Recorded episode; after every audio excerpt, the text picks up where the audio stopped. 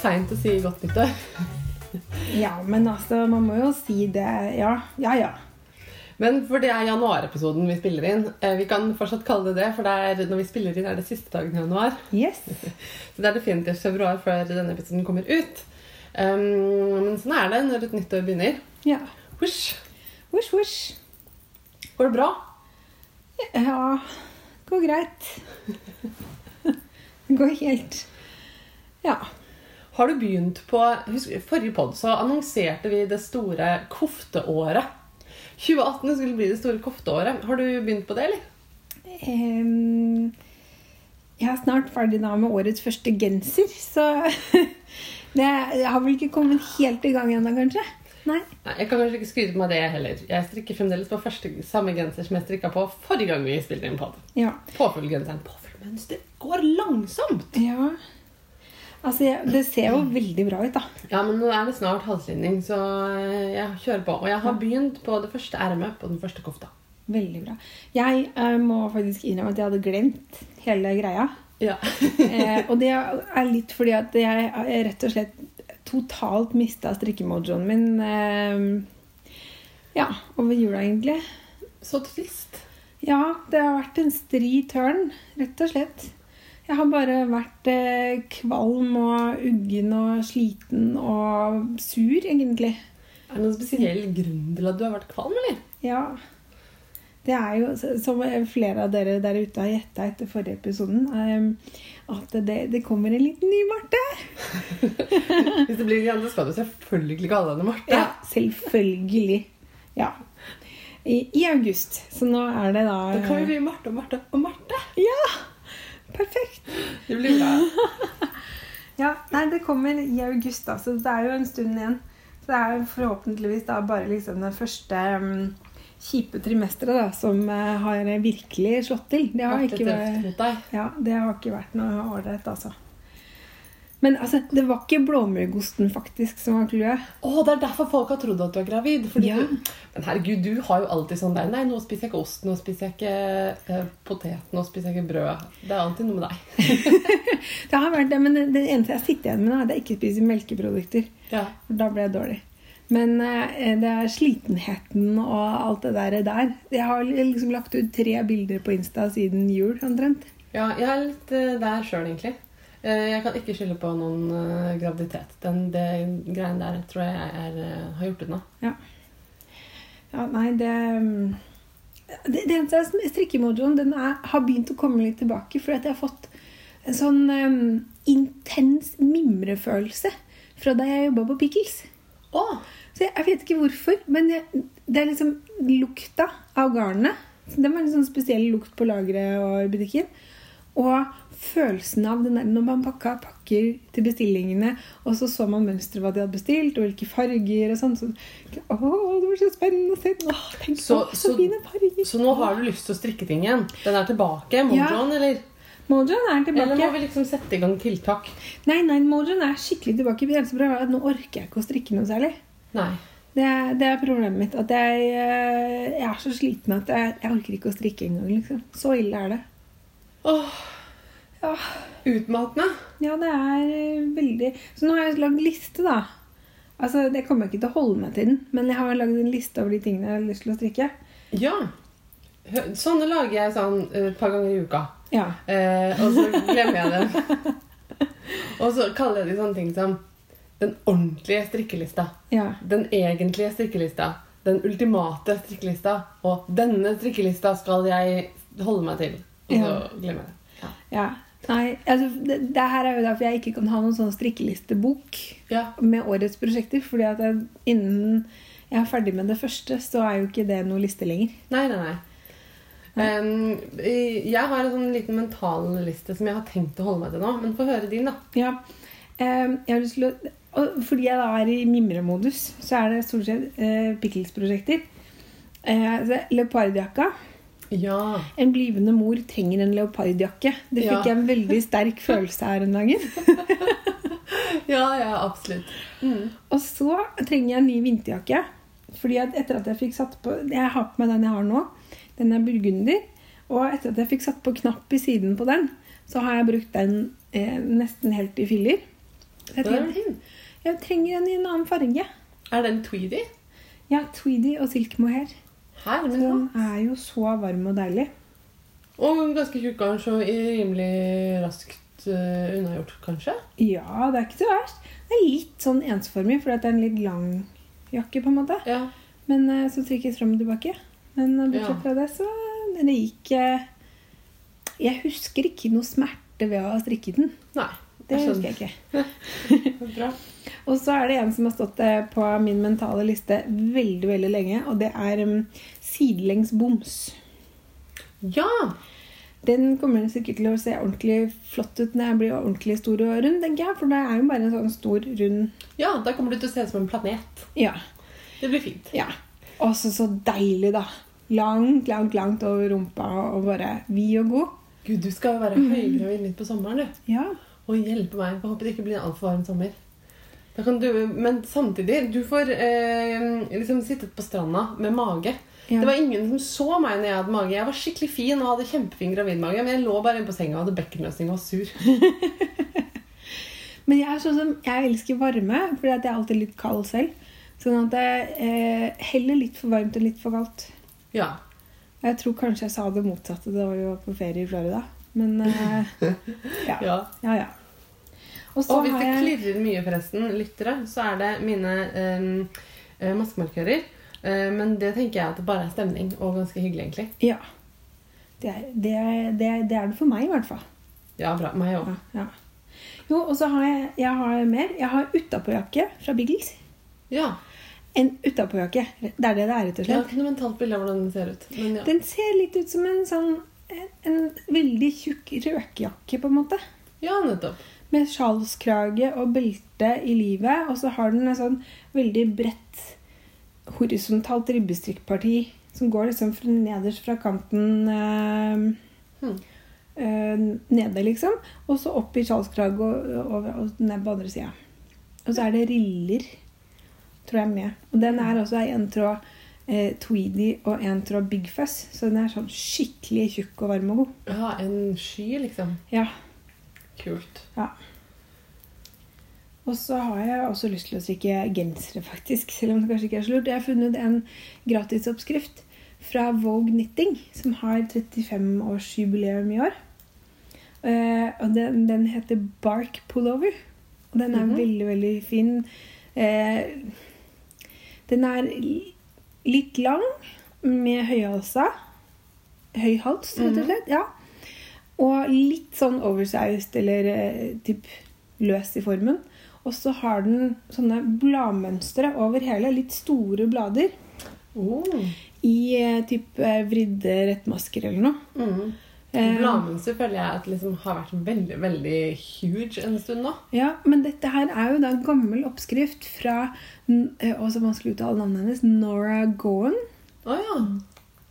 Skrives G-a-u-g-h-a-n. Gagen? Gaffen? Goffen. Det kan jo være hva som helst. Ja. Men hun er jo en litt sånn legendarisk Engelsk strikke... staving er jo spennende i seg selv. Ja. Legendarisk strikkedesigner som er på en måte eh, flettedronningen. Så hun, jeg har strikket en eh, genser av henne før. Som, det var utrolig behagelig å strikke oppskriften, for den var så god. Mm. Så jeg tenkte at den her eh, Ja, for jeg fikk jo julegave fra svigermor i år. Ja, Den italienske svigermor. Fra den italienske svigermor, for vi var der og feira jul. Hun kom da med en pakke som var bare til meg, fra bare henne. Fordi at hun skjønte at hun hadde noe å si unnskyld for. Oi, var det fordi hun hadde rekket opp den der eh, Ja, fordi hadde, Rami har jo hørt den historien som jeg da har gjenfortalt til folk en Ja. del ganger. Så nå tror jeg at han faktisk til slutt har gått og fortalt moren sin om dette her. Så hun hadde spora opp den ene garnbutikken i regionen, liksom. Og dratt dit og kjøpt garn.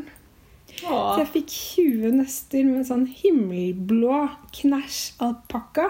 Oi, men det var alpakka. Ja, 100 Tenk, jeg bare tenkte litt som nå hadde du fått liksom 20 nøster med akryl. Nei, nei, nei. Jeg fikk det.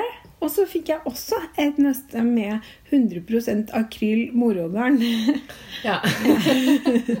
Som jeg tenker er kanskje Vet du hva jeg har tenkt på? Ja. Fordi jeg har nemlig eh, også fått eh, ja, eh, Jeg ikke Ja. Jeg har også fått litt sånn morogarn, da, som jeg ikke kan bruke til noe. Nei. Men jeg har så lyst til å kjøpe sånn icord-maskin. Ja. Og bare lage skolisser. ja. Det var lurt. Ja. Ja. Kan man lage det? Men morogarn, altså dette morogarnet er sånn tjukt og tynt og tjukt og tynt. og tjukt. Å ja, det er vanskelig. Klump. Og med farge. Jeg har fått sånn tynt, tynt garn i 100% akryl som fargeskifter, liksom. Ja. Jeg bare er There's no way! Ja, det er skolisser. Det er sko- Det er liksom partyskolisser. Ja. Det er ikke noe annet. Men du, det er ikke noe dum idé, altså. I Nei, det er ikke det. Jeg tenker at da kan du Og jeg har, jeg har fått noe fargeskiftende, men jeg har også fått sånn knall rosa. Ja. Altså liksom Sånn som håret mitt er på det mest rosa. ja. Og da hadde det vært ganske kult å ha liksom icord eh, knallrosa eh, skolisser i doksene, f.eks. Definitivt. Yes. Ja, men det tror jeg er en god investering, Marte. Og så kan folk være sånn Har du strikka skolissen din selv? Så kan jeg si ja, og ikke nevne at jeg brukte en maskin som gjorde at det tok minutter heller enn timer. Nei. Men det Jeg har også tenkt på det da jeg strikka den um, shortsen som jeg egentlig skulle ha brukt til Oslo Strikkefestival, men som jeg fant ut ble kanskje litt for kort til å bruke offentlig. Ja. Eh, der skal du være en sånn icord-snor i livet. Ja. Den måtte man ha, for så detter den korte shortsen av. Eh, og det, jeg begynte å strikke på det, men det tar jo også 100 år. ja. Så jeg tenkte da at jeg kanskje jeg skulle kjøpe en sånn maskin. Kult. Veldig kult. Er du med på lista di? Jeg har det. Det er det er siste, da. Det er en genser fra Rauma i Det var, Finland. altså, for å si det sånn, Denne lista er ikke veldig variert. Det er liksom genser, jakke, jakke, jakke, jakke, genser, genser, genser. Ja. ja, fordi hvor, hvor vil du hen med dette? Marte? Nei, nei jeg bare, det er liksom ikke sånn Du og en genser og sokk. Det er liksom Nei. Men jeg liker jo ikke å strikke to av ting. Nei. Og så luedilla har jeg um, Den, den, um, den Det er på en måte en sovende dille for meg. Den Ja. har ikke våkna helt. Nei, Den det slått ut i full blomst. Så det, det, går, det er liksom litt jakker og gensere det går i. Og de, de, koftene har på en måte falt ut da i lista mi. For jeg kjøpte jo hele fire hefter fra Rauma Ja. Da jeg ble ferdig med den genseren til mamma og tenkte bare «Jo, jeg kan strikke strek! ja. Men um, Men jeg tenker at kofteåret er kofte i vid forstand. ja. Altså kofte sånn som de bruker det i Sverige. Strikkejakke, liksom. ja. Sånn at jeg tenker at veldig mye av det du har nevnt her, kan fint gå under kofteåret 2018. ja. Um, gensere er jo ikke kofter. Men jo, det er det noen som sier om norske Noen sier norske det, men det, ja, det er helt sant. De gjør det. Men det er ulike måter å definere kofte på. da. Men vi kan Ja. godt operere med et så vidt begrep at alt går. liksom. Det er greit for meg. Skal ikke være vanskelig, liksom. Men altså, den genseren jeg strikker på nå, da, som jeg har begynt på nå i år, for å få mojoen i gang igjen For, jo, for det, det jeg gjorde, var at jeg, jeg jeg tenkte at her må jeg ta grep. Ja. Nå går det ikke lenger. Jeg må ha mojoen opp og stå. Eh, så jeg tok da fram pelsull, all pelsullet jeg hadde. Alt sammen. Der har du måten å gjøre det på, Marte. Ja, ja, det, og det funka som, som bare rakkeren. Og, da, og så tenkte jeg ok, pelsull og ra, enkel raglangenser. Ja. Og bare bam! Så på liksom, noen dager så hadde jeg strikket Og det er jo det vi sitter og strikker på her, begge to. Ja. Eh, genser, Ragland-gensere i pelsull. Min Ja. er ikke så enkel. Den er litt mer påfuglete. Ja, men veldig fin. Elsker de fargeskiftene. Ja, jeg veit ikke. Jeg er, litt, eh, jeg er litt skeptisk, ass, må jeg innrømme. Den er en sånn dus En dus drøm, på en måte. Ja, Med de fargene du har valgt, som er, er litt sånn Valgt og valgt. Ja, ja. Altså, det er jo grått, og så er det veldig sånn grålige, rosa, blåaktige farger som toner i hverandre, liksom. Det ser jo veldig ut som om du har kjøpt noe sånn County-garn og Jo da. veldig sånn Jo da. Nei, jeg er ikke uh, på en måte misfornøyd. Uh, jeg bare, Noen ganger blir jeg litt oppgitt over at jeg aldri kan legge en plan. Det er akkurat som Jeg er litt sånn um, med, med, med bøker og strikking. For altså, Grunnen til at jeg har strikka litt lite i det siste, er at jeg underviser i et litteraturemne nå. Og da er det innmari mye bøker å lese. Og selv om jeg kan strikke og lese samtidig, så kan jeg eksempel ikke strikke og lese samtidig på offentlig transport. Det har jeg ikke nok hender til. Um, og det er også sånn at når jeg strikker påfølgmønster, så er jeg nødt til å se på det jeg driver med. Da kan jeg ikke lese. Det er rett strikk og vrangbord og sånn. Det funker. Men du, for det har jeg lurt på for det, Jeg klarer også å strikke og lese samtidig, men da må boka ligge flatt åpent foran meg. Ja. Men hvis du leser pocketbøker, så ligger det jo ikke flatt og åpent. Nei, Jeg pleier å legge en eller annen vekt på det. Ok. Og det funker, liksom. For når jeg har prøvd det, så sklir bare vekta av. Ja. Hvis jeg tar telefonen min eller noe. Men du Nei, jeg pleier å klare å liksom stable ting på hjørnene og sånn. Eh, Men jeg holdt på å kjøpe et sånt bokstativ her for en stund siden. Og så tenkte jeg nei, nå må du skjerpe deg, Marte. Nerd. Du vet sånn bokstativ som holder boka for deg, liksom. Ja. Men det kan hende det ikke var så nerd likevel. Nei, det er ikke Nei. Jeg syns ikke det er helt ikke- Ja. Men jeg bare tenker at det, klarer de da å holde pocketbøker åpne? Ja da, det gjør de. De har sånne klemmer, liksom. Ja, ja, ok. Ja, da. Men um, um, jo, det som skjer da, når jeg eh, er inne i en sånn um, romanflow, mm. er at med en gang jeg har lest ut en bok, så er jeg helt sånn Nå begynner jeg på en ny bok. Altså jeg blir helt sånn her, eh, Det er som en avhengighet. Sånn at jeg blir så rastløs at jeg ikke klarer å liksom få ro før jeg har begynt på å lese en ny bok. Ja. Um, og litt sånn kan det være med strikketøy òg. Um, at når jeg gjør noe ferdig, så blir jeg så innmari liksom, sulten på, på noe nytt at jeg, ikke, at jeg slutter å tenke, liksom. Mm. Jeg bare uh, dukker ned i garnet jeg har, og så blir jeg sånn derre Jeg vil ha genser! Jeg vil ha dette garnet! Og så bare begynner jeg uten å liksom tenke Men er dette egentlig fint? Og, og noen ganger så tenker jeg liksom, Så nå tenker jeg at det kunne hende at jeg skulle bare gått på um, på garnbutikken og kjøpt noen nøster til av, den, av en av fargene. Og strikka en ensfarga lilla eller blå eller rosa istedenfor å strikke en lilla, nei, rosa til lilla til blå gradientgenser. Men jeg syns det er akkurat det som er så fint med den. At det er en gradient. Jo da. Det er jo litt spesielt, i hvert fall. Vi får se da om det blir noe særlig. Jeg, jeg skal ikke jeg, jeg, er ikke jeg er litt sånn um, usikker på hva jeg syns, men jeg skal strikke den ferdig og gi den en sjanse. Altså, jeg sitter jo med akkurat samme problematikken her selv. fordi at da jeg tok all pelsulla utover bordet, så hadde jeg da ikke nok av noen av fargene til en hel genser. Nei. Så jeg sitter her nå med en genser med tre rosa farger. Ja, det er ikke, det er ikke sånn vel...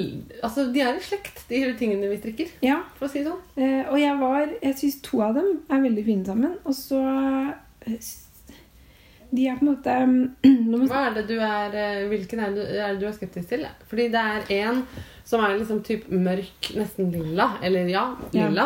Og så er det en som er um, som jeg vil kalle gamlerosa. Mm. Og så er det en som er litt mer knallrosa. Ja. Men så er dette altså ikke sølje, men tinde. Ja, det er tinde, men Pelsul. Mm. Og den er farga på grå base. Sånn at Mm. alle får en litt sånn derre eh, tåkete farge, som jeg Ja. er veldig fint. Ja.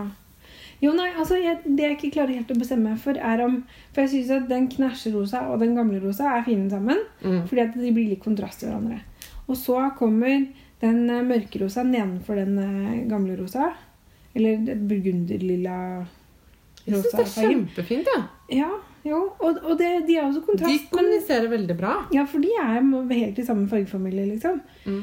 Men um, Jeg syns at det at du har de tre fargene, gjør at den blir litt sånn Den blir litt spesiell. Altså, den får et litt sånn derre 80-talls collegegenserpreg, ja, skjønner du? ja. Og det er litt Ja. kult, da. ja da. Ja. Litt sånn at du kanskje burde ha eh, eh, permanent og blåst tyggegummibobler når du Ja. på. Ja, men det, det er greit. Det der er, det er, det er helt ok. Det, ja, jeg nå, nå blir den sånn, så er jeg ferdig med det. Men jeg bare lurer på om den har blitt litt for kort. Men altså, jeg har jo begynt jo å få litt mage så det kan jo være at det er liksom Kanskje du må spare den Den magen går over, da. Den eh, vokser en stund, og så krymper den litt igjen etterpå. Ja. Så jeg vet ikke, jeg tenkte jeg skulle lage den ferdig, for den, det ser jo veldig annerledes ut når plagget er helt ferdig. Ja. Selv om du kan prøve på deg liksom, For dette, det jeg er sikker på er en ingentikket genser som er laga ovenfra og ned. Ja, så jeg har jo prøvd den på hele veien.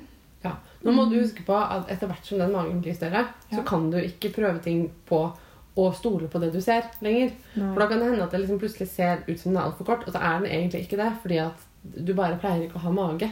Nei. Um, så det Så jeg burde egentlig slutte å strikke gensere da. For en liten stund, ja. Ja. For noen måneder.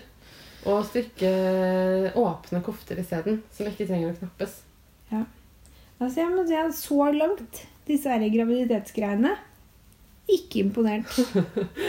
Jævla oppskrytt. Ja. Um, jeg er vel også litt der. altså. Jeg syns det var um, uh, Det var veldig slitsomt å være gravid. Jeg hadde bekkenløsning og Ja. Jeg blir litt oppgitt av den derre er- Å være gravid er ikke en sykdom. Fordi nei, det er ikke en sykdom. Det er ikke en sykdom å brekke beinet heller, men begge deler er innmari slitsomt og gjør det vanskelig å gå i slaps og snø, og man blir sliten. Det syns jeg man skal ta på alvor.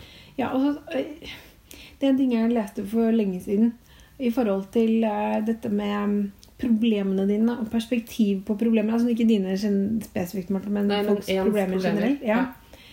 At øh, vi kommer jo alle fra liksom, med forskjellig ballast.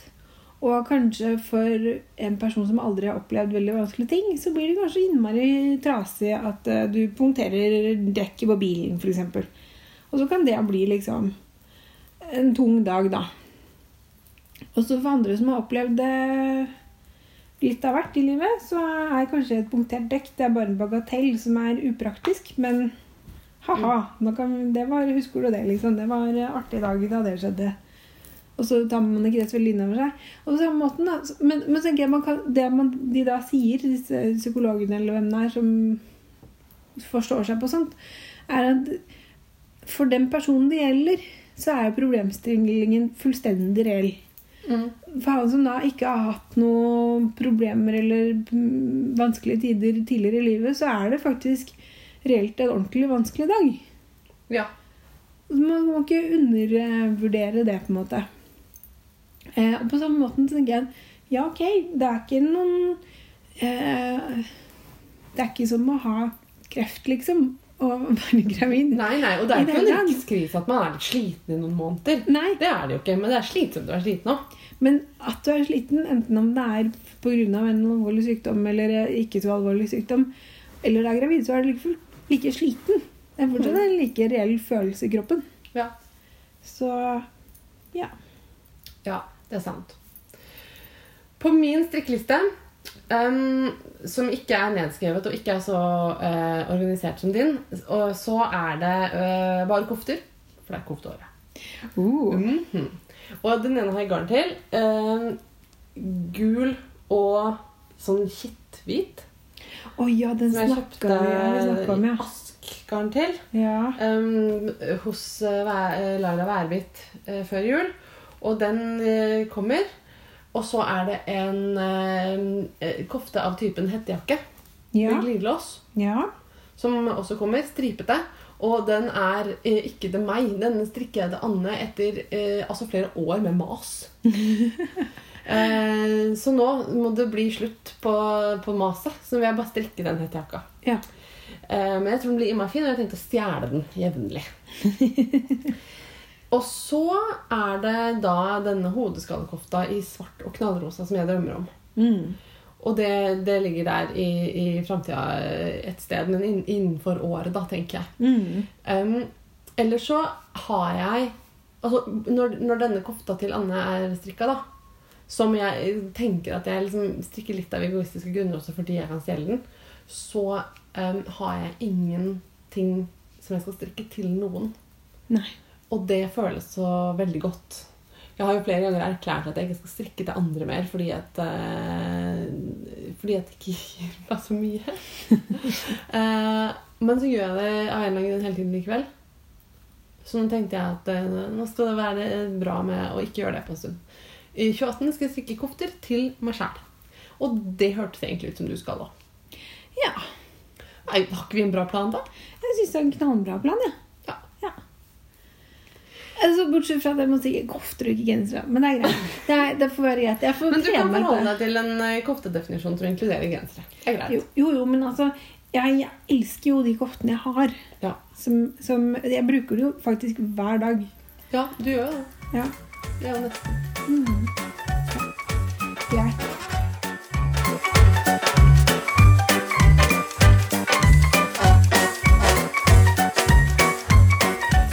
jeg har eh, en anekdote. Uh, Forrige gang vi spilte inn pod, så eh, snakka du om at du hadde strikka votter Ja. til din eh, far. Ja. Sjø- Hva heter de? Sjøvotten? Sjøvotten. Sjøvotten salt. Flott navn. Ja. Um, og så sa jeg at jeg hadde så lyst til å strikke sånne fiskevotter i eh, lanolingarn. Ja. Fordi at hvis man eh, tover de litt, så blir de liksom helt vanntette. Mm. Og bare sånn helt vanntette ullvotter, det er veldig fristende. Veldig deilig. Tenk å måke snøen av bilen, eh, gå på ski, Ja. alt sånt, og være helt tørr på henne. da. Og så fortalte eh, Lina meg ja. at hennes mormor hadde fortalt at da hun strikka fiskevotter, så strikka de dem alltid med to tomler. Oi. En på hver side, sånn at når håndflata ble slitt og våt, og sånn, så kunne man bare snu votten. Nei, Og så kan den brukes på begge sider. så lurt. For de former seg jo litt etter hendene òg. Ja, ja. Men da er den på en måte potensielt høyrevått og venstrevått. ja. Eller så kan man bare gjøre sånn som Robbie. Jeg strikka den votter til hvor eh, jeg fikk eh, Det kan nok være at jeg strikka totten på samme side av votten og ikke gadd å ta opp igjen. Men Ja. han er sånn som bare ikke liksom, får med seg sånne ting eller bryr seg om det. Så han bare stapper de i lomma eh, på jakka si, og så tar han de opp, og så tar han de på seg sånn som han finner dem. Ja. Så den, hva som er venstre og høyrevått, det er umulig å se. Og de sitter ikke spesielt godt på, men de er ganske store, så det går på en måte allikevel. ja, for jeg, det slo meg at man kunne kanskje også bare snu, bytte hånd. Altså Hvis man Ja. har en høyrevått og en venstrevått, så kan man kanskje bare bytte hånd hvis de blir slitt. For eksempel. Mm. Men det, eh, jeg syns at mine votter noen ganger blir slitt i, um, i liksom den bretten mellom tommelen og, og hånda. Mm. At det kan bli et hull der. Mm. Og da kan det jo være fint å kunne bare bruke den andre tommelen på andre sida. Og Ja. kanskje sy igjen hele totten. liksom. Ja. Men en liten oppdatering, da. Når sjøvannsalt har vært i bruk. Ja. Pappa han ror jo ikke så mye båter på vinterhavet akkurat. Han uh, bruker snøfreseren. Ja. Men um, det han, med hans erfaring, da siden, altså De er godt tova. De er skikkelig supertova. Og når han da får et lag med snø på dem, da er det både vind og vanntette. Det er kult, da. Ja. Fordi altså, vi tenkte at vi skulle snakke litt om vær. ja. Vær og vind, og litt om ullens isolasjonsevne og værbestandighet. Og generelt fortreffelige egenskaper. Ja, for generelt altså. Virkelig. Og fortreffelig. Ja. Um, og det er jo sånn at uh, å tove å gjøre vanntett er én ting man kan gjøre med ull. Det er jo ikke noen andre fibre som har den egenskapen. Er det det? Eh, Hvor du kan faktisk få et vanntett materiale av naturfiber. Jeg syns det er veldig kult. Ja. Altså, og fiskevotter er jo da ment at du skal så trekke garn ikke sant? Mm. og være tørr på enda. Mm. Um, og det, ullen har jo en veldig fin egenskap at den ikke måte, absorberer vann på den måten som bomull gjør. da. Nei. For eksempel, hvis du tar en bomullsdott i vann, så blir den helt sånn blytung og full av vann. Hvis du gjør det samme med en ulldott, så renner vannet gjennom ulldotten og ut igjen. Og ullen fortsetter å varme også når den er våt. Ja, altså ull kan eh, Jeg eh, Altså da vi snakket om at vi skulle snakke om dette på podden i dag, så eh, gikk jeg inn og, og tok et lite dykk i isolasjonsmaterialer. Iso Ja. Isolasjonsmaterialenes verden. Og dette er jo noe som du er litt opptatt av, Marte. Ja, ja, ja. Og det ble ikke noe mindre nå etter dette her. Men poen, altså ull, saueull, kan jo da som isolasjonsmateriale Jeg tror saueullas egenskaper den endres litt ut ifra hvordan man bearbeider den. Men i det som da er måte, ordentlig isolasjonsmateriale på lik linje med mineralull, så kan Da snakker vi om isolasjonsmateriale for hus. ja, Og det er, Grunnen til at Barthe er spesielt interessert i det, er jo fordi du er arkitekt. ja. Men da kan altså ulla ta opp 30-40% vann av sin egen vekt, og uten å miste isolasjonsegenskapene. Ehm, men jeg tenkte først, da Så kan vi liksom altså For det, det her med å isolere et menneske, det er ganske likt det å isolere et hus.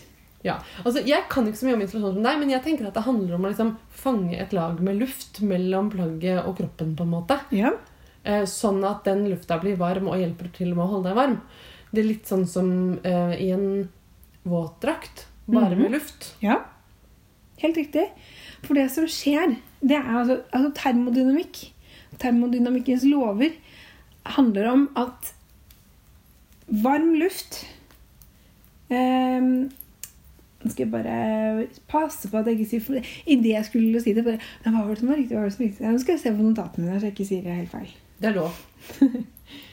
Ehm, energien fra varm luft, for det er jo energi som gir varme, ikke sant? Mm.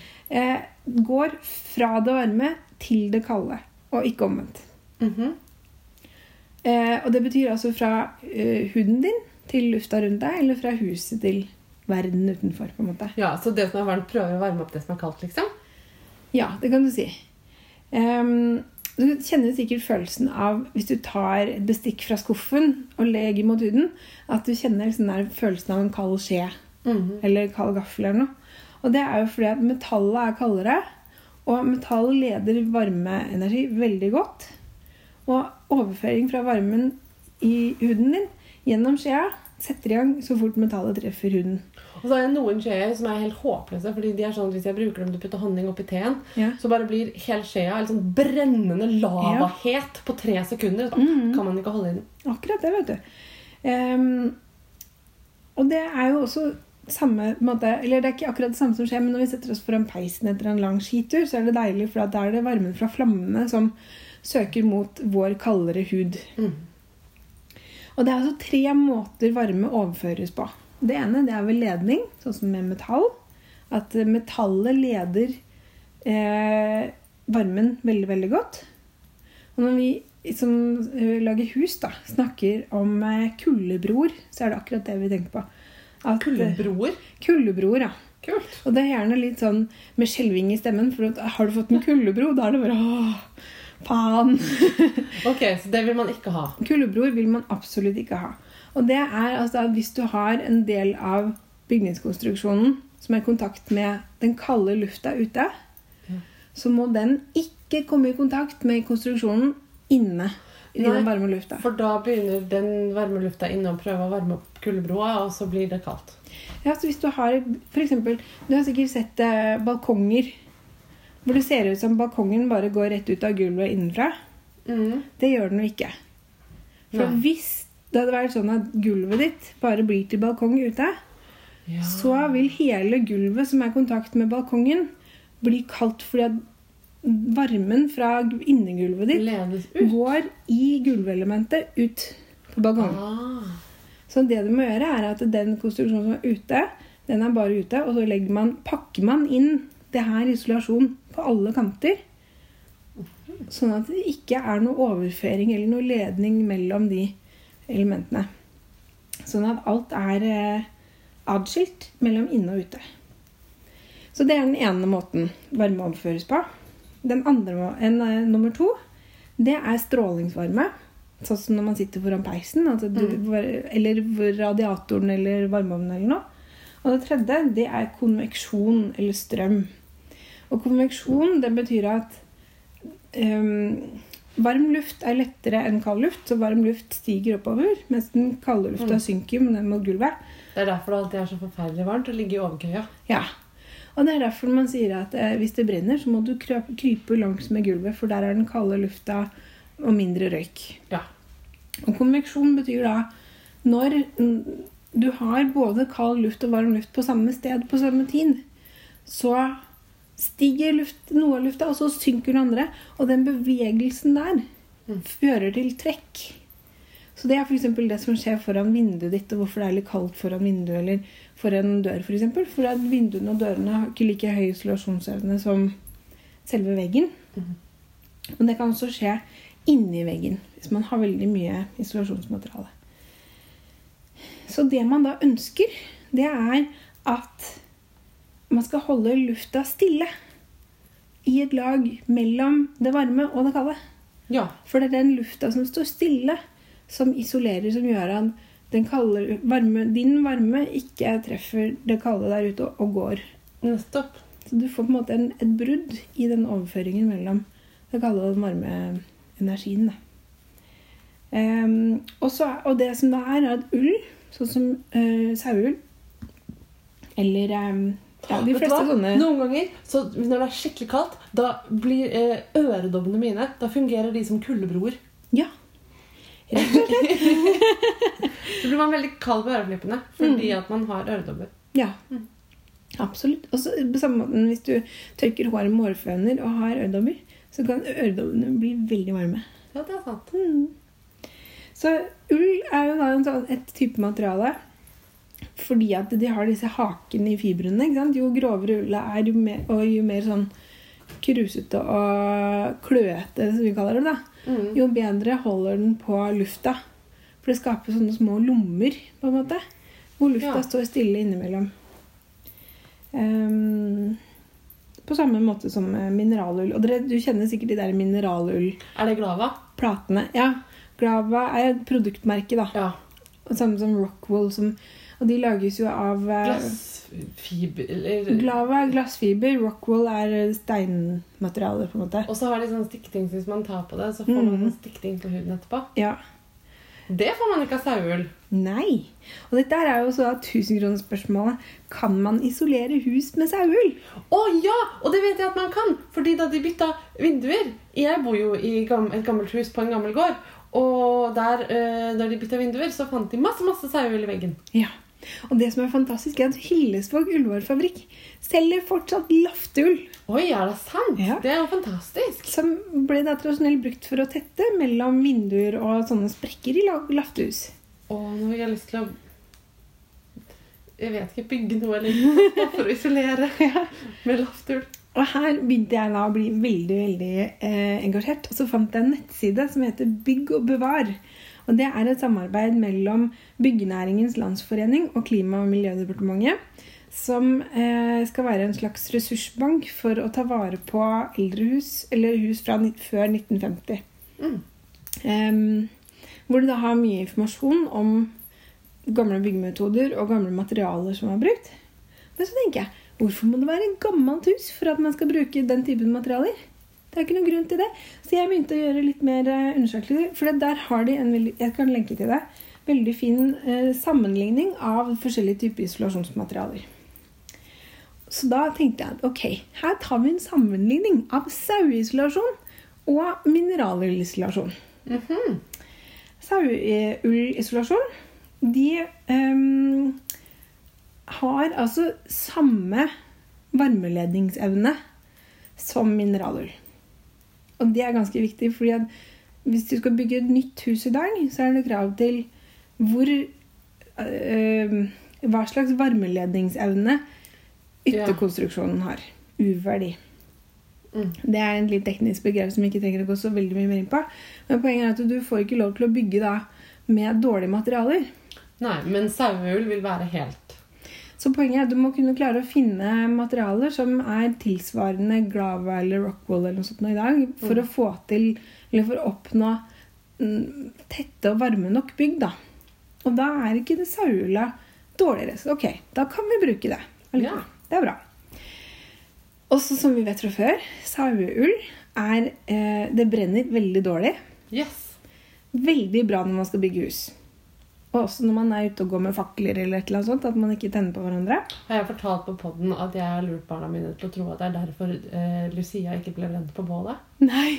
Sankta Lucia ble jo forsøkt brent på bålet. Og ifølge legenden så var det jo sånn at de fikk ikke fyr på henne. Fordi at, eh, fordi at eh, Gud sant? Gud gjorde sånn at det ikke ville brenne, fordi at hun var jo et rent menneske. Ja. Men barna mine hadde hørt den historien, og jeg bare Og vet du hvorfor det ikke tok fyr? Det var fordi hun hadde ullklær. Så moralen er ikke ha på deg flis. Altså syntetflis. ja.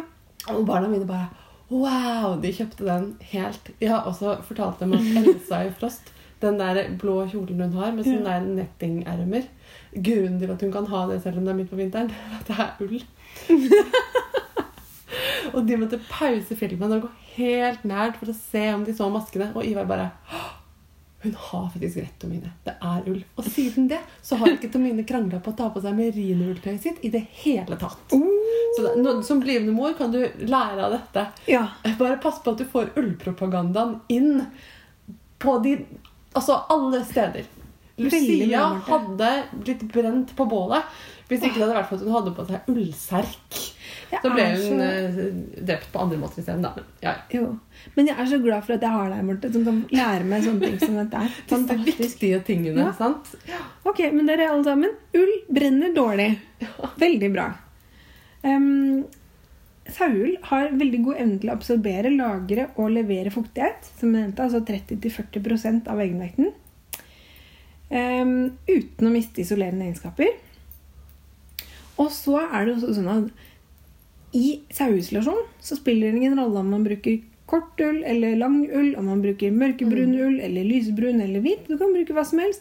Sånn det som blir igjen etter at strikkegarn-ulla er tatt Og ut, rygarn og, Og ryegarn, alt dette her. Ja. det kan du bare klemme sammen i matter og bruke som isolasjon i hus. Det var fantastisk. Helt fantastisk. Og det er jo veldig veldig mange sauebønder som har sauer for kjøtt som ikke gjør noen ting mulig, som bare kvitter seg med den. Ja. Fordi at det er ikke, altså det er ikke lønnsomt å levere den noe sted, liksom. Så min lille bønn til dere der ute, og til cruiseprosjektet, og til sauebønder og alle som måtte høre dette her, det er at vi må få mer kunnskap og mer informasjon.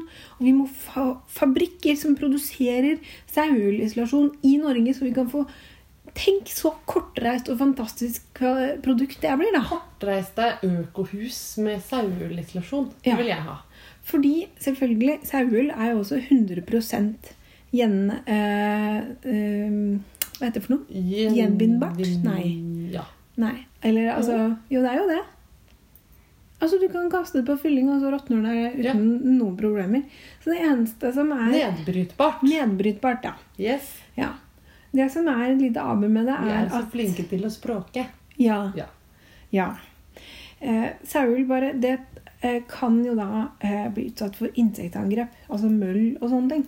Ja. Så at man må behandle det på noe vis. Det har jeg opplevd. Jeg har ikke fortalt om det på den. Vi Mm. Nei. hadde møllarvegreie.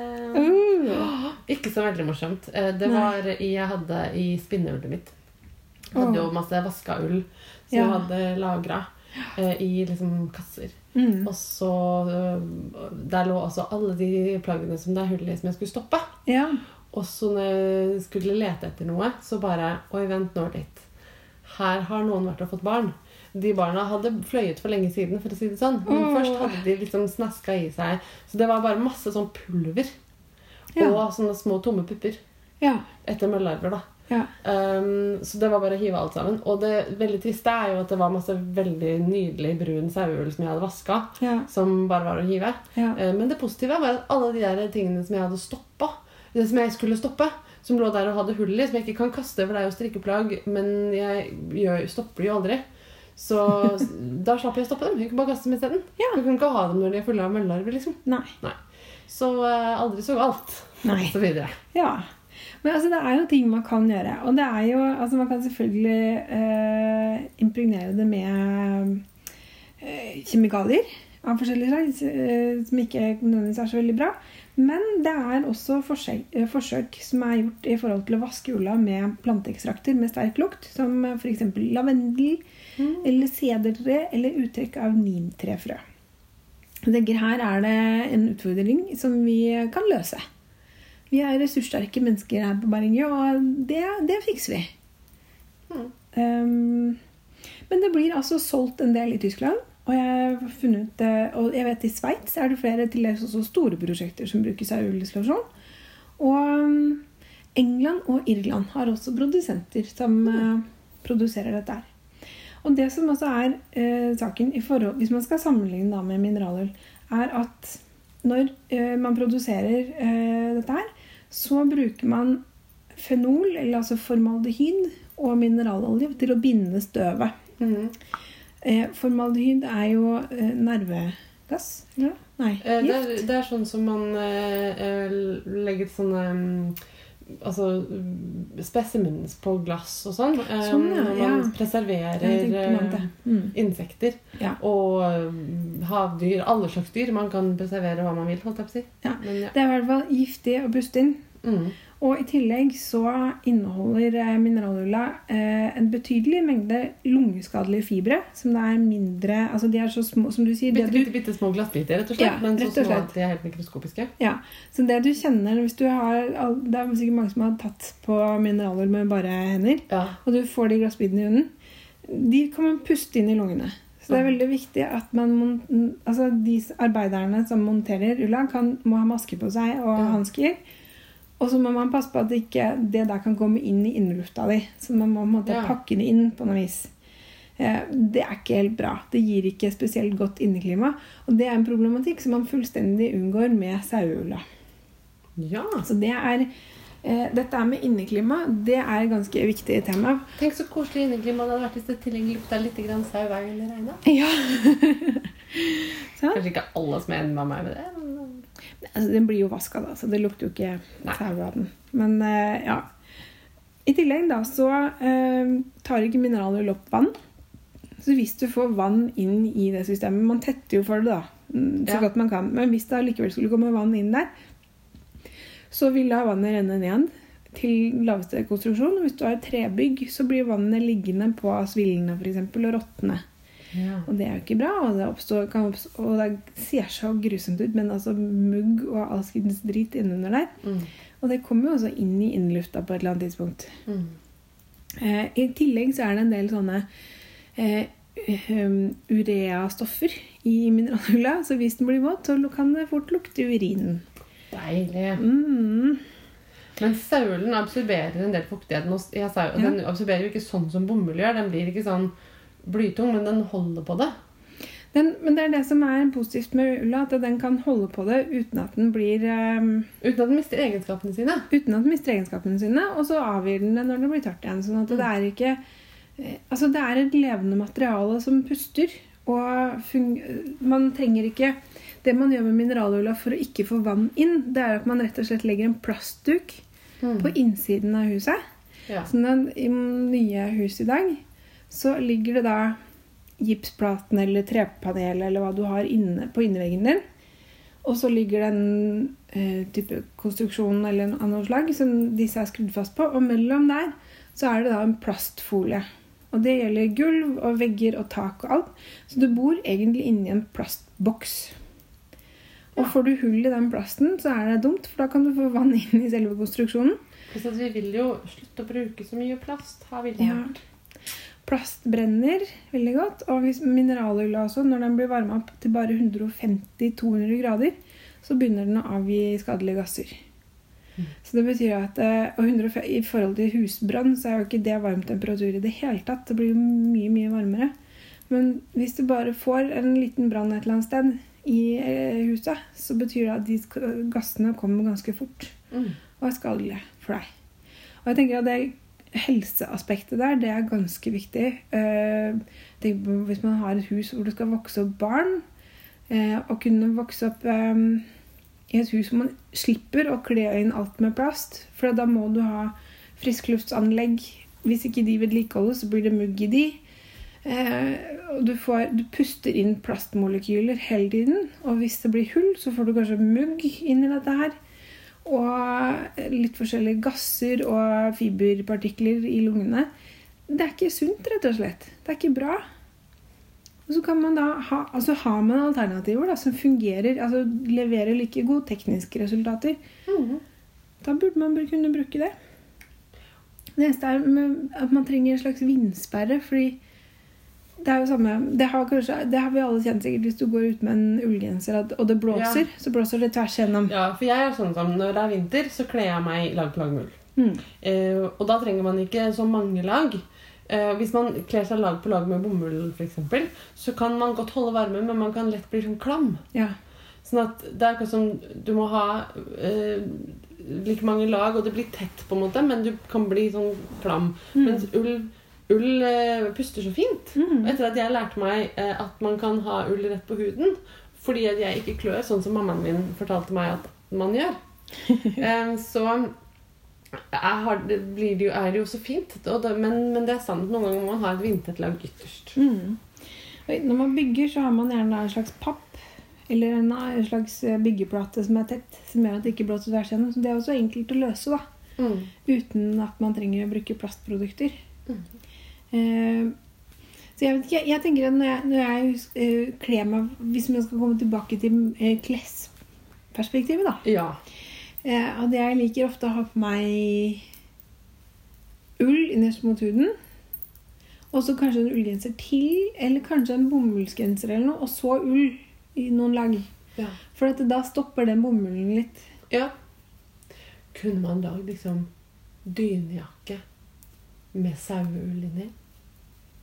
Ja, Det måtte jo vært deilig. klart man kunne det. Ja. Ja. Man kan ikke vaske den i maskin. Men det kan man jo ikke med en dune, altså dun-dunjakke heller. Jo, man kan jo det. Kan man det? Ja. Fjær, ja. Men man må bare passe på at det tørker ordentlig. ja. Men det får man jo til. Men man kan jo vaske skinn i maskinen også. Ja, man kan det, men uh, hvis man uh, vasker løs ull i maskinen, så tover den seg. Ja. Jeg har nemlig Ja. gått på en smell med en voksepose en gang. Oh, ja. For de har ull inni seg. Ja. Eh, Den hadde i hvert fall det. Ja. Og da den kom ut av maskinen, så var den ikke en sånn myk og fluffy voksepose lenger.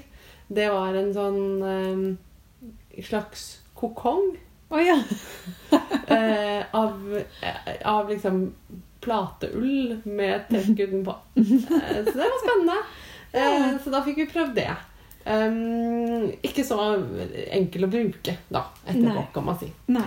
Men når vi snakker om ø, bekledning om vinteren Mm. Jeg syns jo um, at det har vært litt sånn utfordrende ø, å kle på disse barna mine noen ganger. Mm. Uh, som sagt så fikk jeg da Tomine til å ha på seg ull ved å, ved å bevise med litt eh, kanskje eh, spekulative metoder at Elsa i Frost har ullkjole. Ja. Det er en vedtatt sannhet hos oss nå. Eh, men den andre, han Ivar, han kan man ikke få til å gå med eh, ull. Eller egentlig klær. Eh, det vil si, jo, han går med klær, men han går med liksom Når det er ti minus ute, så går han med T-skjorte Ja. eh, og en tynn sånn joggebukse og barbeint inne. Ja. Og vi bor i et trekkfullt trehus i skogen. Altså Når vi kommer hjem fra jobb og ikke har rukket å fyre ennå, Mm. så har vi en innetemperatur på 14 grader. Ja. Det er sånn det blir når huset står en dag mens vi er på jobb. Mm. Um, og det er litt kaldt. Ja. Men da, da kommer han inn og drar av seg sokker og, og genser og sånn. Og i begynnelsen så fikk jeg helt sånn «Øh, Dette går ikke. Og prøvde liksom å tvangskle på han og har bare måttet gi opp. Fordi han er en varm fyr, liksom. Mm. Jeg misunner han jo det. Han fryser aldri. Men vet du hva, jeg spurte en eh, sykepleier en gang om det. For eh, vi jobba sammen på Biggles. Og eh, så ble vi snakkende om kroppstemperaturer og sånne ting. Og hun sa at når man ser gutter ute på gata som går i shorts midt på vinteren, Ja. så må du bare få gjøre det. For de har sannsynligvis en mye høyere kroppstemperatur enn det jeg har. Og da er det greit. For de, de blir ikke syke, for de er varmere, rett og slett. Nei, og det er jo faktisk sant at hver gang faren til Ivar er på besøk hos oss, så går driver han og liksom vaser rundt i snøen ute i shorts, og jeg er alltid sånn der Altså, hva er, greia di? Ja. Er det Tøffer du deg, liksom? Ja. Men jeg tror han bare, eh, de bare er sånn varme varm. folk. Ja. Og jeg er veldig kald, så jeg Ja. har jo generelt lav kroppstemperatur. Og jeg vil alltid kle på ungene når jeg fryser. Ja. Eh, og så syns jeg jo selvfølgelig at det er litt trist at vi har eh, kassevis og kassevis med nydelige ullgensere som da Mm. Ivar ikke bruker. Ja. Eh, men Tomine bruker. Ja. Det er bra. Ja, ja. ja. Kassevis med barneklær i ull, ja. Ja, Har du det nå, eller? Har du, er du klar? Har du strikka liksom eh, masse små, nusselige ullgensere? Nei, jeg har ikke det. Alle, det det er mange som har kommet på Å, kommer til å strikke så mye barneklær, du. Fordi at Det er ikke glad noe i å strikke liksom. barneklær til deg, for du strikker jo alt selv. Det sa Ja. de til meg, og jeg bare mm, Nei. Altså, jeg tenkte da, jeg får prøve. For jeg må jo liksom sånn for syns skyld prøve. Ja, prøve. Jeg, jeg, jeg er veldig fornøyd da på en måte, for at jeg tok da restegarn, som jeg ikke har fått brukt til så mye annet. Og i denne, eh, fra, som er fra Pickles, det er Abulita firetråds merino, Ja. som da er tovegarn nummer én, som jeg ikke har villet bruke til noe, fordi det bare blir en klump, liksom, veldig fort. Så tenkte jeg til en liten babyjakke som skal brukes i et par måneder, så Mm. funker det sikkert greit. ja, så lenge du bare vasker det forsiktig. Ja. Men jeg bare åh, Jeg syns det er så kjedelig. Ja. Jeg synes det er dødsstolt. Alle sier å, det er så gøy, og det går så fort, og da di da. Bare nei, det går jo ikke innmari fort. Det tar jo dødsmye tid. Det er ikke noe gøy. Nei eh, Jeg har ikke strikka fryktelig mye til barna. Jeg har ikke det, altså. Um, mammaen min har strikka en del til barna. Og så har eh, Anne en tante som strikker helt sånn fantastisk fine gensere. Så jeg har liksom egentlig følt at det var overflødig å strikke noe særlig til de barna. Fordi de får ikke brukt alt. Nei. Men jeg strikka litt sånn ullbukser og sånn da de var små. Ja. Um, og litt luer og sånn. Det er litt gøy når de begynner å ville ha, bestille ting. Til mine bestilte jo et sånn rosa glitterskjørt. Ja. Og det elsker hun å ha brukt masse. Det er jo gøy. ja, det er gøy. Og så tenker jeg at noen ganger så er det sånn Det er morsommere å, å strikke til folk som fins. Ja. Og babyen er jo på en måte ikke en person ennå. Nei. Den er jo en Nei, er slags eh, bevegelse i en mage, på en måte. Ja. Og for meg så var det veldig sånn at de blir liksom først folk når de kommer ut. ja. Ja, kanskje det er det, det, det, det At det er det jeg, som må skje. vet du hva, jeg var ikke så himla ruget, jeg. Det er jo noen som liksom tar helt av og skal pusse opp rom og det der nesting-greia. Ja. At man skal drive og Jeg var ikke så veldig sånn, jeg tror jeg. Nei. Og jeg var litt sånn det, er- en, en ting som er veldig viktig eh, å huske på da når man skal, For noen blir veldig stressa for at liksom, Å nei, babyen kan komme når som helst, og alt er ikke klart. Og så sånn, nei, Men det er faktisk sånn at det en baby, en nyfødt baby trenger for å overleve, det er stort sett liksom mora si og noe varmt. Ja. Uh, og du har pledd liksom hjemme hos deg. Og det er ikke sånn at de stenger alle butikker med en gang du føder. Du, da kan du oppdage litt hva du trenger. Det er også sånn altså, sånn her barnevognstyr. Hvis jeg skal gi ett råd om barnevogn, så er, vogn, så er det bare sånn Vent, ass. Vent til du ser hva slags vogn du trenger. Ja. For eksempel Metomine. Helt meningsløst å ha vogn. For hun ville ikke ligge i vogn, hun ville bæres. Hun oh, ja. Ja. Og jeg syns det var mye bedre uansett, så slipper du å mase med den der svære vogna. ja. Ivar ville gjerne ligge i vogn. Så da var det greit med vogn. Mm. Ja, for det er liksom jeg ser folk, det må Man bestiller liksom mange måneder i forveien, og det koster en liten Ja. bil omtrent. Men husk på at veldig mye er liksom kapitalistsamfunnet også, som forteller oss at eh, vi trenger å kjøpe ting. Ja. Og det er veldig viktig at vi kjøper ting, fordi at ellers så kommer det til å gå galt. Men Mm. det gjør jo ikke det. Eh, altså, Enten så kan du amme den ungen, eller så kan du gå og kjøpe litt morsmelkerstatningspulver. Det går fint, liksom. Og så har du alltid noen filler opp haken din. Hæ? Noen filler opp Ja. haken, så den ikke fryser, liksom. Ja. Nei, og så kommer jo folk og gir deg en body her og en greie der. Og, eh, kanskje jeg skal strikke noe til den ungen, jeg, da.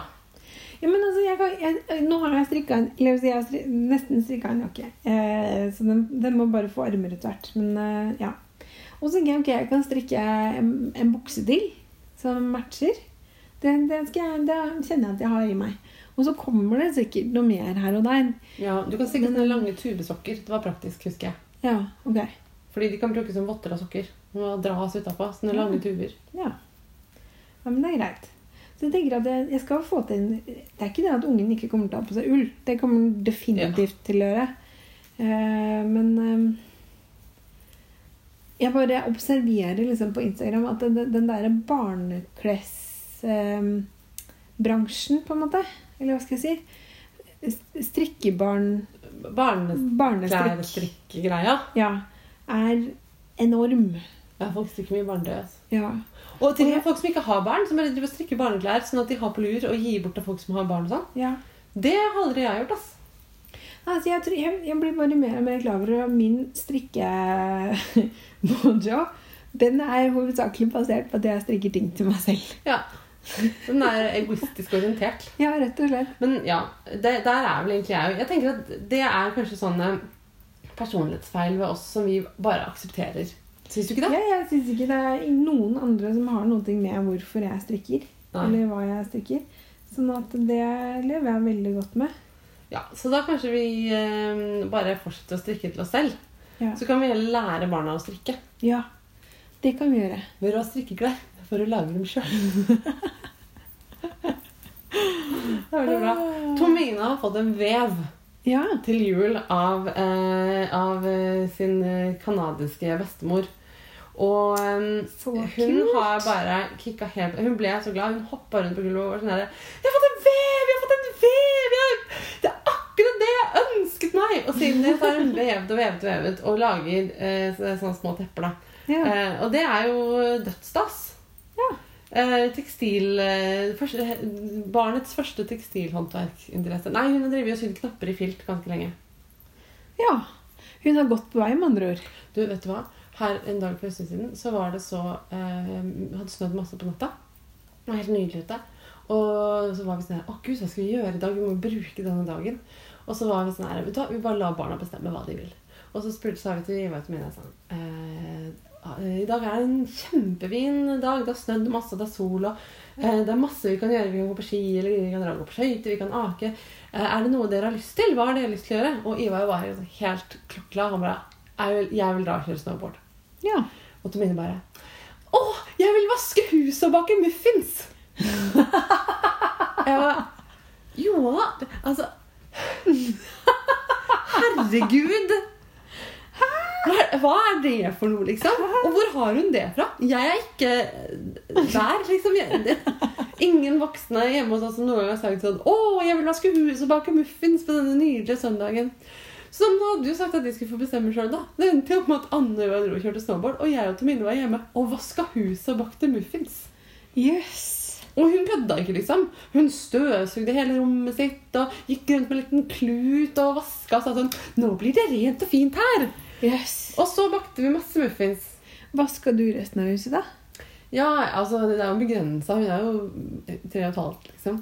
Så det blir, var jo mest jeg som vaska huset, egentlig. Ja. Det var Men du veldig- gjorde jo faktisk det. Det var ikke sånn at du sendte henne inn på rommet sitt med en glut, og så Nei, nei vi gjorde det det. på ekte, og det var veldig Ja. deilig, og det ble veldig fint. Og det er deilig med nyvaska hus, liksom. Ja da. Um, men jeg bare ble litt sånn Hun har så veldig uh, pussige interesser, da.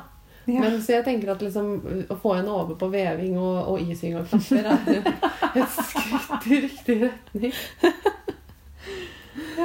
Men du, vi må avslutte. Jeg må ut i denne fantastiske slapsete møkkadagen. Hjemme hos meg er det fin snø, men her i Oslo er det bare sorgen i dag. Det Kanskje det er bedre når denne podden kommer ut. Vi håper det. Ja. Og så håper vi at du eh, slutter å være kvalm snart. Ja, det håper vi definitivt. Ja. ja. Ha det, Marte. Ha det, Marte.